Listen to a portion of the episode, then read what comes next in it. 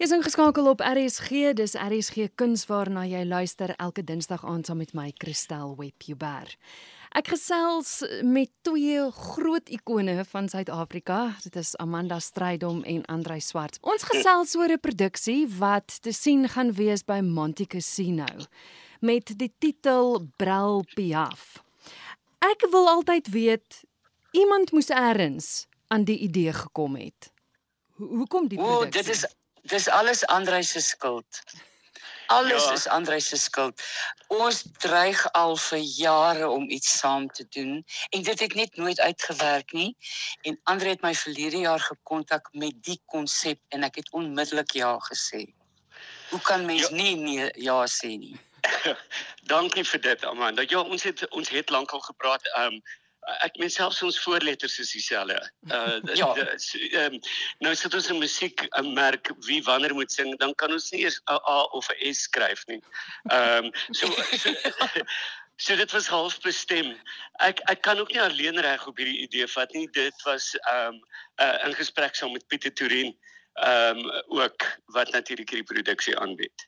Ja, ja. Waar pas Saartjie Botha in? Dis ook Andre se skuld. ek ek ek het 'n enorme respek vir wat wat Saartjie kan doen en en wat sy wat, wat sy kan doen as regisseur en veral wat sy kan doen as as iemand wat kan skryf en en daarom het ek vir Saartjie gekontak en weer eens natuurlik ehm um, eers met Amanda gepraat en ek weet Amanda het ook uiters baie respek vir Saartjie. Ehm um, en en ek ons ons het 'n regisseur nodig wat wat hierdie is fyn musiek in terme van die lirieke. Ehm um, wat wel kan, wat heeltemal kan inskakel en uh uh um in tune sing soos so wees met wat ons in die liedjies bring. Ja, en ek dink ook uh, dat dat Saartjie ehm um, sy is nie heeltemal ehm um, op musiek in haar in haar in haar regisseursloopbaan ingestel nie. Dis vir haar ook 'n fantastiese uitdaging. Juist daarom het ons besaam gedink dis 'n fantastiese idee om Saartjie te betrek omdat sy 'n heeltemal 'n ander perspektief ja. gaan bring op die verhoog hmm. vir hierdie twee groot legendes en ek praat nou van Brel en Piaf se musiek en siele en om nie die gewone resepte volg nie. En dit is wat sy doen met poëtiese beeldskone bindingsteks en baie interessante konsepte wat sy het op die verhoog vir spesifieke uh dinge wat ons gaan doen op die verhoog. Maar nou mag ek nie verder vertel nie. Dit is jammer want dit is jammer want ek wou juist vra, jy wat nou sê sy kom met, sy kom met uit uit 'n ander wêreld eintlik.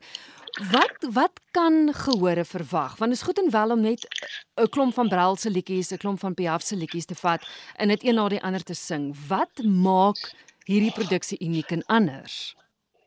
Ek dink dit is omdat sy met 'n heeltemal 'n ander oog daarna kyk. Sy het die 11de April by ons aangesluit vir uh, ons eerste repetisie. Die week voor dit het net Andre en ek met ons twee briljante pianiste David Bowerhof en Konrad Raal die musiek behoorlik in ons murg gekry. Sodat toe Saartjie kom, het ons vir haar die hele produksie gesing eers. Toe kon sy ook sien wat ons gedoen het met die bindingsteks want ons het dit by sekere liedjies laat pas en sy weet nou waar sy kan uitbrei daarmee. Sy het interessante konsepte. Op die verhoog is daar nie vreeslik baie props of 'n groot stel nie, maar 'n besonder lang klavierstoel wat sy gaan laat stoffeer, maar sy gaan allerlei goed met die stoel doen en sy het 'n konsep ook wat met papier te doen het. Nou ons is baie nuuskierig daaroor en ons sal meer daarvan uitvind wanneer ons nou die die die die hele proses begin aanpak want op die oomblik is dit ons wat sit en vir haar sing en dan kyk sy na haar teks en wat ons gebruik het en daarop sal sy uitbrei. So nou gaan die inkleding begin dink ek, die bewegings en die en die die handelinge wat ons gaan uitvoer. Ek vind dit 'n interessante konsep want dit is vir my vreemd, dis heeltemal 'n ander angle. So ons kyk wat wat dink jy Andre? Ons sy moet net nie vir my vra om verskriklik te dans nie.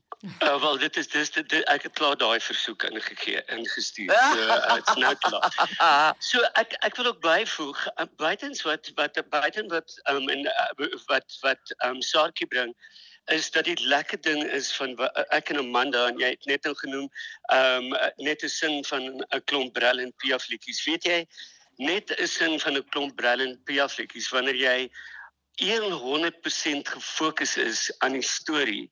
Uh to, in in elke liedjie, selfs elke karakter in elke liedjie.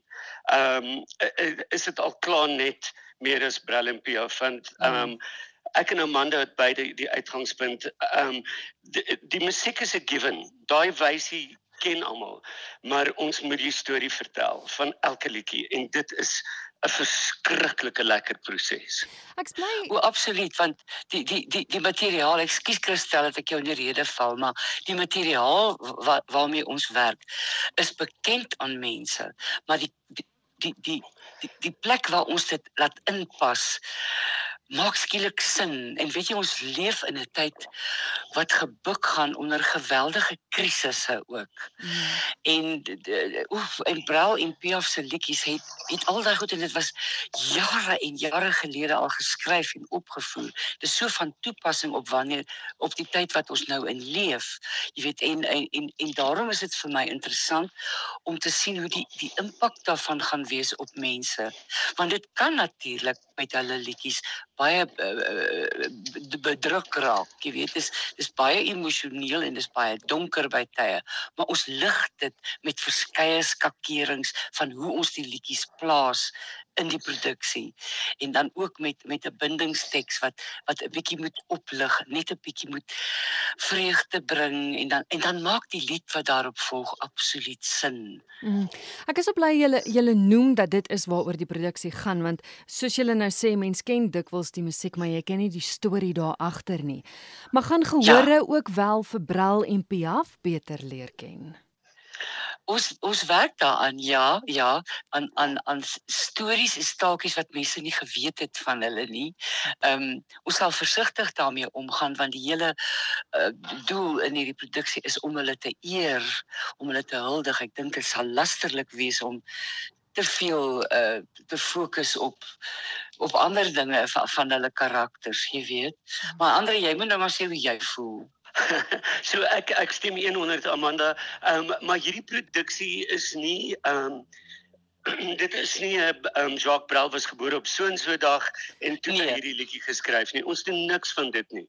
Ehm um, en ek dink dit is wat lekker is. Mense, daar's Google. As mense wil meer weet, hopelik gaan ons hulle so prikkel gedurende hierdie net die daai wonderlike liedjies te sing dat ja, mense ja. gaan wil meer wil uitvind. Jy weet, uh van hierdie hierdie karakters en daar is so baie om uit te vind oor hulle. Maar dit is beslis nie ehm, 'n um, geskiedenisles in hulle lewens nie. Ek weet dis 'n onregverdige vraag, maar is daar een liedjie in die produksie wat julle harte warmer laat klop? Daai daai een gedeelte oh. waar waar net die reg net nie kan Oei oei oei, dit is 'n moeilike vraag. Ja, wat is die regte antwoord, Andrei? Jy weet daar's daar's daar's goed wat ons doen uh, in solos en dan is daar duette wat ons saam doen en dit is aangrypend mooi. Ons doen 'n uh, 'n gesprek tussen minnaars wat die bekende lied is. Wat is die Franse naam? Andre verliefde van later. Ehm um, ek kan nou nie dink wat dit is. Die Frans is jou afdeling. Onthou? ja, dankie daarvoor hoor. Ek is nou blank, maar dit is 'n lied wat baie mense ken, maar jy moet ook weet dat ons Brel en Piaf ook in Afrikaans in hierdie produksie bring. Nie baie nie, maar daar is ook Afrikaans hmm. in in in van die lirieke. En dis aangrypend mooi. As ek dink aan daardie duet tussen my en Andre wat ons liefde van later en Herman van Veen het dit vertaal, ons gebruik 'n uh, ander vertaling dink ek.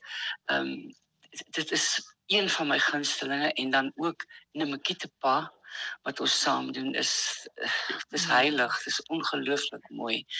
Ons doen ook uh, as 'n duet Marike saam en natuurlik van Brel se verspotte goed doen ons ook saam. Maar ek wil nie te veel weggee in die kristal. Ja, maar ons moet ons moet die gehore daar kry Amanda. Hulle sal kom.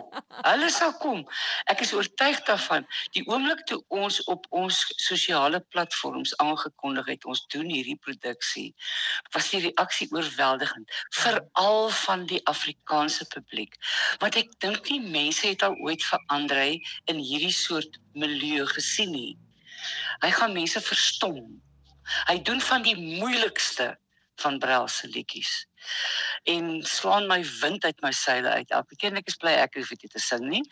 Maar dit, dit, dit is regtig, dit is regtig um vers, verstommend om hom te sien wat mense ken hom as uh, die minder sanger soos hy homself noem van meer populistiese musiek.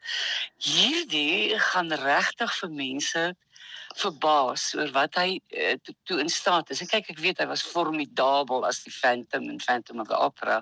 Hierdie is 'n ander genre. En dit is lekker om saam met hom te werk en te sien hoe hy groei elke dag. Dit is vir my verstommend. Vir my is Brel en Piaf dis my kos. Verstaan jy seker omdat ek meer in 'n kabaret genre werk of in literêre kabaret werk. Maar om dit saam met hom te doen, oh, it's just bliss. Dis dis absoluut heerlik. Ja, hoor nou.